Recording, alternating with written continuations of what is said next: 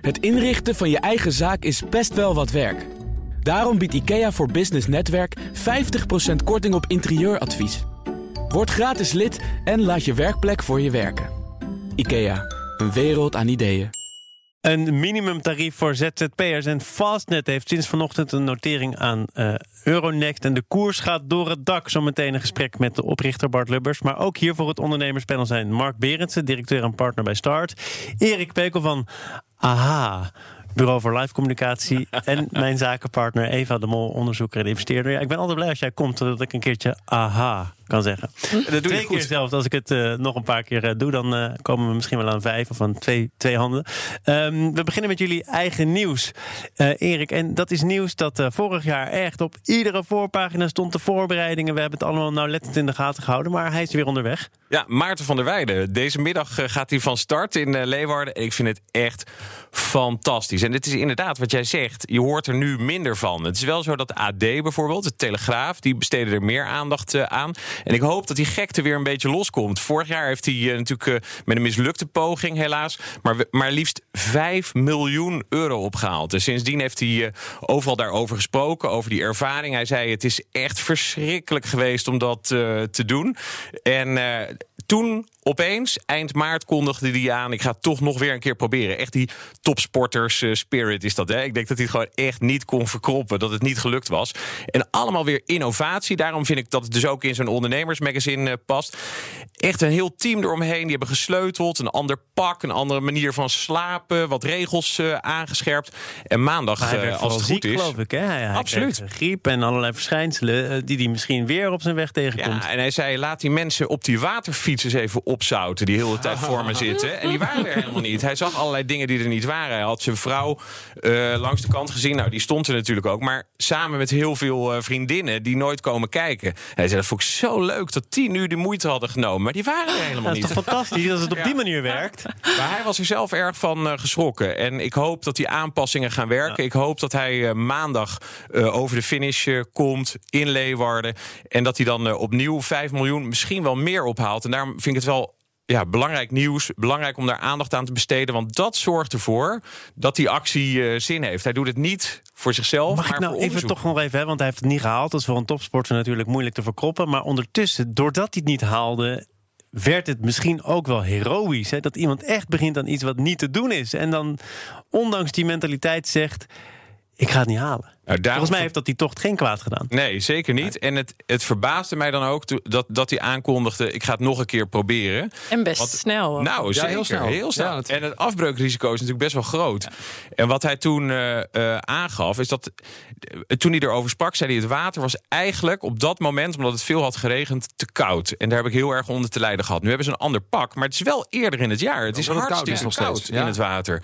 Dus eh, ja, ik Maar hoop geen echt, eh, echt, bacteriën, echt- daar had hij ook last van volgens mij. Waardoor mensen ook niet mochten meezwemmen. Dat was eh, verboden gebied, geloof ik, voor de We hadden die warme zomer gehad natuurlijk. Ja. Dus, eh, Ja. dat- Ja, Ja. allemaal poepbacteriën. Dat ziet er nu gelukkig eh, heel erg veel beter uit. Er gaan ook heel veel mensen mee zwemmen. Ik geloof rond de 140.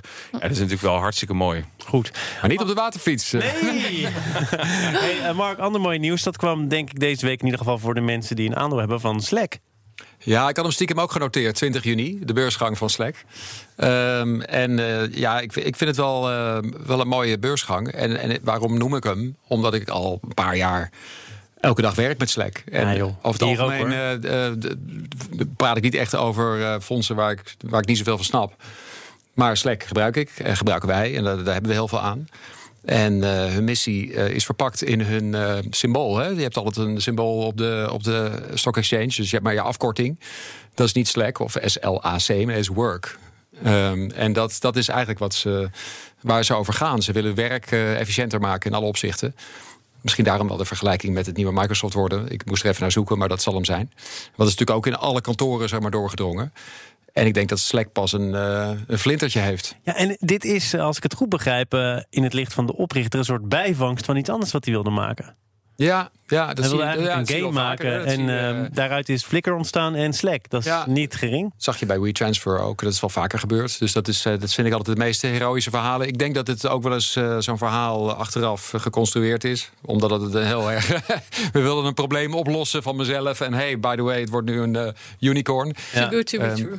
Sorry? Jij denkt te mooi om waar te zijn. Nou, nee, ik wil er niet, verder niet aan twijfelen. Misschien is het wel gewoon zo dat... uh, dat... Ik, ik, geloof het ook wel. Ja, ik denk dat het heel vaak uh, zo is dat als je ergens mee begint... Hè, dat vind ik ook altijd zo jammer. Heel veel mensen die hebben een ondernemersdroom... die willen voor zichzelf beginnen. En die stellen dat uit omdat ze denken... mijn plan is niet uniek genoeg. Terwijl in de praktijk. Ja, dat verandert ja, natuurlijk. Als je begint, dan, dan kun je eigenlijk met iets wat vrij basic is, kun je gewoon starten. Uiteindelijk kom je toch wel door een, een moeilijke klant of, of Ja. iemand die heel veel eisend is op allerlei ideeën. Of gewoon doordat je zelf aan het samenwerken bent aan zo'n game en denkt: hé, hey, we hebben een handige tool nodig. ja, ja. En dan heb je opeens Slack. Zo'n bijproduct wat dan enorm eh, scoort. Briljant. Ja. Eva, jij wil voor de vrijdagmiddag nog eventjes wat dieper ingaan op het onderwerp dat ook al in de pitches voor, voorbij kwam, namelijk de dood. Ja, eigenlijk, De eh, uitvaartsector. Waarom? Een beetje depressief middag. Nee, een eh, bericht op Pitchbook eh, dat er enorm veel eigenlijk geld blijft liggen in de uitvaartbranche. branche. En ook als je het hebt over innovatie ehm, in die branche, dat weinig investeerders eh, daarin stappen. Natuurlijk ook te maken met eh, taboe omtrent dat soort bedrijven. En een aantal interessante eh, voorbeelden uit de States van eh, innovaties. Waar hebben we het dan over? Nou, één bedrijf, Everyday, een Facebook voor overleden mensen. Waar nabestaanden dan profielen eh, kunnen loaden. En een andere, dat, ja, dat vond ik zelf wel vergaan, maar een ehm, bedrijf eh, waarbij je voor een groene begrafenis eh kon Oh ja. gaan. En zij Ja, ja, ja. dus zij ontwikkelen bepaalde capsules waarmee je de lichamen kunt balsemen. Eh, zodat het op een natuurlijke manier wordt afgebroken. En je dus echt ook een groene biologische begrafenis eh, kunt hebben.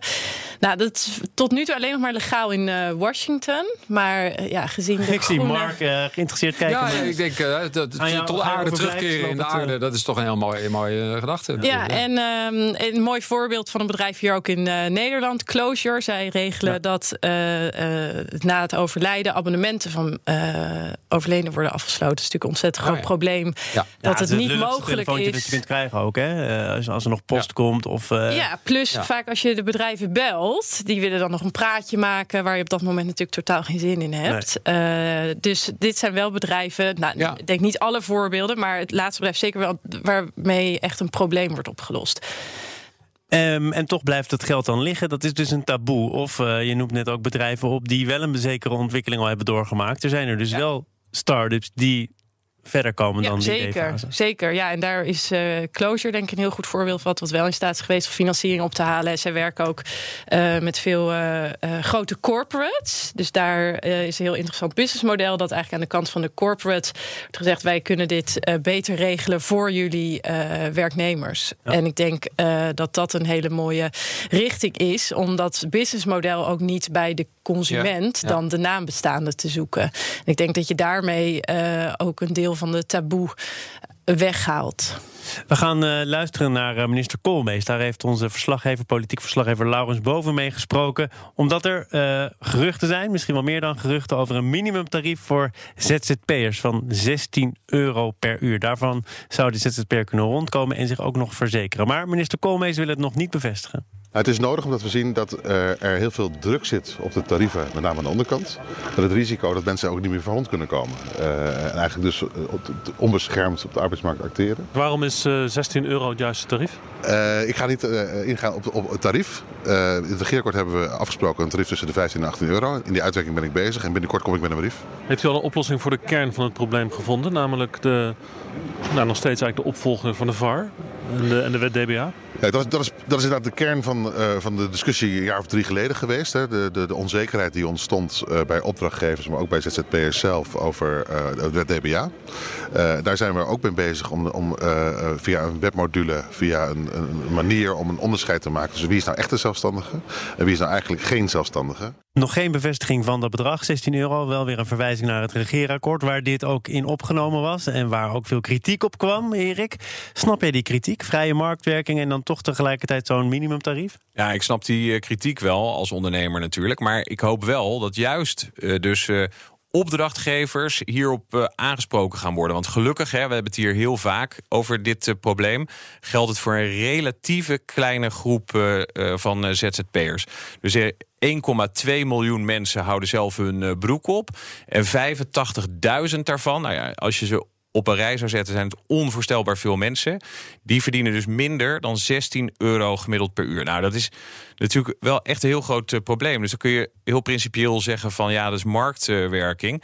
Maar als je kijkt waar zitten die mensen, dan, ja, dan, dan zijn dat bezorgdiensten. Weet je, gewoon de pakketjes die bij je thuis worden afgeleverd, de thuiszorg en het personenvervoer. Dat zijn allemaal mensen die waren tot een paar jaar geleden gewoon keurig in loondienst. Die zijn eigenlijk op een hele wrange manier ondernemer gemaakt. Onder enorm veel uh, druk. En hebben dus grote, machtige partijen hebben gezegd... dat is echt hartstikke goed uh, voor je. En met de zelfstandige aftrek kom je op hetzelfde... of net iets meer kom je uit. Nou ja, je kan wel zelf nagaan dat als het minder dan 16 euro is... en je moet daar zelf nog je inkomstenbelasting over betalen... je moet daar zelf nog iets van geld voor later opzij uh, zetten. Ja, dat, dat kan en dan kom je met 16 euro kom je er dan wel? En verzekeren, wat dacht je daarvan? Ja. Ja, dat, nou, dan heb je natuurlijk ook uh, nu een uh, verplichte verzekering nou, ja, als ZZP'er. Dat, dat, dat, vind ik een heel interessant onderwerp... waar uh, ik meteen aan moet de denken als, als ik Wouter Koolmees hoor. En na, na aanleiding van het akkoord kwam het verhaal van het verplichte verzekering. Dat is het pensioenakkoord waar dit ook nog weer ja, een waar dit ook onderdeel van is. En dan komt hij met, ja, dat gaan we nader verkennen. En doordat we dan dat massaal kunnen doen, moet het aantrekkelijker worden. Nou, ik kan eigenlijk niet wachten, want ik vind het een enorm blok aan het been. Als self-employed eh, persoon is dat gewoon. En ik begrijp heel goed waarom mensen denken: nou, dat, dat, dat, dat is met te veel geld. Ik bedoel, en, en niet arbeidsongeschikt uh, verzekerd zijn is ontzettend risico. Um, maar hier ja. wordt dus gezegd een minimumtarief van 16 ja, euro. Dan kun je dus niet, daarnaast niet, ook niet nog tegen het tarief dat ik ken. Ik vind absoluut niet. Maar goed, het werd al gezegd in het regeerakkoord... het zit tussen de 15 en de 18 euro. Gaan die 2 euro extra eventueel dan wel het verschil maken? Nee, of? vast niet. Dus, dus die, die, die collectieve verzekering die er zou komen... dat zou de UWV daar moeten gaan regelen. Om het niet over te laten aan de markt, hè? Inderdaad. Eh, dat, dat moet aanzienlijk goedkoper worden vanwege het volume. Maar dat bedrag komt natuurlijk wel ergens vandaan. En ik denk dus dat juist in die sectoren waar het ja, misgaat, ja, hè, dat er dus zoveel prijsdruk is uh, ontstaan. En zeker als je kijkt naar de thuiszorg, hè, dat is natuurlijk ook voor een heel groot deel een collectieve uh, kostenpost. Dus ik denk dat er uh, gewoon in het ministerie ook gewoon wel druk van buiten wordt uitgeoefend op, op het ministerie. Van jongens, het mag vooral niet de spuigaten uitlopen. Het mag niet te duur worden. Wij bellen nu, en dat is redelijk uitzonderlijk in dit panel met Bart Lubbers. Hij is oprichter van Fastnet. Het laadpalenbedrijf heeft sinds vanochtend een notering aan Euronext. Meneer Lubbers, welkom. Ja, goedemiddag. En u bent met Fastnet helemaal door het dak gegaan. Gefeliciteerd. Ja, dank u wel. Wat is uh, volgens u de belangrijkste verklaring daarvoor? Nou ja, volgens mij is de belangrijkste verklaring dat... Nou, ik denk dat alle auto's elektrisch worden. En ik denk dat er heel veel mensen dat denken. Dus mensen investeren voor de lange termijn. En dat komt vandaag in een bedrijf dat actief is in de markt van elektrische auto's. Investeren mensen in de lange termijn of denken ze nou, nu die koers zo door het dak gaat, daar moet ik even bij zijn? En heeft het iets minder met eh, de achterliggende boodschap te maken? Ja, dat zou kunnen. Maar goed, ik neem aan dat iedereen uh, zijn eigen overwegingen maakt en zich erin verdiept. En blijkbaar zijn er mensen die hiervoor kiezen. Nou, hartstikke goed. Ja, dat lijkt mij ook. Dit is dan het scenario zoals het uitpakt. Gisteren was er nog een heel andere teneur, want u kondigde 16 uur voor die beursgang aan dat er toch geen nieuwe aandelen worden uitgegeven. Uh, terwijl u eigenlijk naar de beurs ging om, om kapitaal aan te trekken, 30 miljoen. Uh, hoe moet ik dat dan lezen? Ja, dat klopt. Nou, onze prioriteit was de listing, zodat de aandelen beter verhandelbaar zijn. We stonden aan de N-Exchange en daar was beperkt verhandelbaar. En hier op de Euronext is het ja, zeer goed verhandelbaar. Dat blijkt ook vandaag. Uh, de emissie, ja, die hadden we vorige week aangekondigd. Maar goed, we kregen maandag al de eerste negatieve berichten over het kabinetsbeleid, wat ja, aan het twijfelen is of ze elektrisch rijden moeten blijven stimuleren. En toen werd ons van verschillende kanten geadviseerd om toch maar uh, die emissie uit te stellen. Maar dat, dat kunt u nou, toch eigenlijk kunt, kunt, u dat, kunt u dat zo zeggen? Want uh, dat die subsidie, subsidies op elektrisch rijden, dat daar discussie over is en dat Den Haag daar nog eens over nadenkt, dat is toch niet nieuws van vorige week? Nou, kijk, ik kijk op de lange termijn. Dus voor mij is dat uh, niet nieuw. Maar we hebben met een grotere wereld te maken dan mijzelf alleen. En er zijn ook mensen die daar zelf over nadenken. En goed, van de week was het bericht jongens, het is verstandiger om het uit te stellen. Nou, daar hebben we naar geluisterd. Mark Berends, eh, lid van het ondernemerspanel, heeft een vraag. Ja, nou, dat gaat hierover. Ik, ik, ik, ik dacht bij mezelf, dit is zo'n um, een aandeel dat zo afhankelijk is inderdaad van overheidsbeleid of van ja, laten we zeggen, beleid buiten jullie onderneming uh, sowieso. Is dat niet op de lange termijn een ontzettende onzekere factor, om het zo te noemen? Ja, het huidige overheidsbeleid is dat uh, vervuilende auto's, benzineauto's, een hogere bijtelling kennen dan elektrische auto's. Nou, ik denk dat dat op termijn wel zal bijtrekken. Op het moment dat alle auto's elektrisch worden, zal de overheid ja, dat gelijk gaan belasten. Maar op dit moment, ik denk dat, dat het heel goed is wat de overheid doet. Want het is heel hard nodig. Dat we maar transitie maken naar schone energie. U heeft dus vooral daarnaar gekeken, naar uh, veranderend en grillig overheidsbeleid. Er zijn analisten die zeggen, ja goed dat er geen extra aandelen worden uitgegeven. Dat heeft vooral te maken met een tegenvallende belangstelling. Wat kunt u daarover zeggen? Ja, nou ja, we hadden vorige week overwegingen om te proberen of we nog een emissie zouden doen. Uh, een dag later uh, kwam het NOS-journaal met het kabinet twijfelt over de maatregelen. Uh, vervolgens wordt van ons, aan ons verschillende kanten geadviseerd. Dan is het verstandig om het uit te stellen. Daarmee, daarnaar hebben we geluisterd. Ja. Maar dat heeft dus niet te maken met tegenvallende belangstelling voor die extra aandelen. Dat heeft, niks te maken met, dat heeft niks te maken met animo dat het toch niet bleek te zijn. Nou, ik, ja, ik denk dat het er zeker mee te maken heeft. Want die mensen die die berichten in het nieuws lezen, die gaan natuurlijk twijfelen. Die denken van, goh, is het eigenlijk wel het goede moment? En uh, die zeggen dan, nou, kan je het niet beter uitstellen, die emissie? Nou, daar hebben we naar geluisterd. Erik Pekel, ook lid van het ondernemerspanel. Ook met een vraag. U bent een uh, geliefd en populair persoon vandaag. Ja, wat je veel uh, leest ook is kritiek, waar, waarbij ze dus stellen... mensen laden thuis op, op het werk. De actieradius wordt steeds groter mensen laden graag op onderweg waar ze lekker kunnen eten. En Van der Valk en dat soort uh, ketens investeren in uh, laadcapaciteit. Uh, wat, wat, is uw toekomstbeeld in dat perspectief? Ja, ik denk dat. kijk, nu zijn vrijwel alle auto's rijden op benzine. Dus er zijn, nou zeg 10.000 benzinestations in Europa. Straks rijden alle auto's elektrisch. En kunnen ver rijden. Ze krijgen grotere accu's. Ze gaan steeds sneller opladen. Dus ja, straks we hebben hetzelfde aantal laadstations. Dat is mijn visie. U heeft daar natuurlijk nog wel geld voor nodig hè, om die uitbreiding gestalte te geven. Dat was ook de hele reden om die notering uh, binnen te krijgen. Uh, dat gebeurt nu niet, omdat die extra aandelen niet worden uitgegeven. Hoe gaat u het dan doen?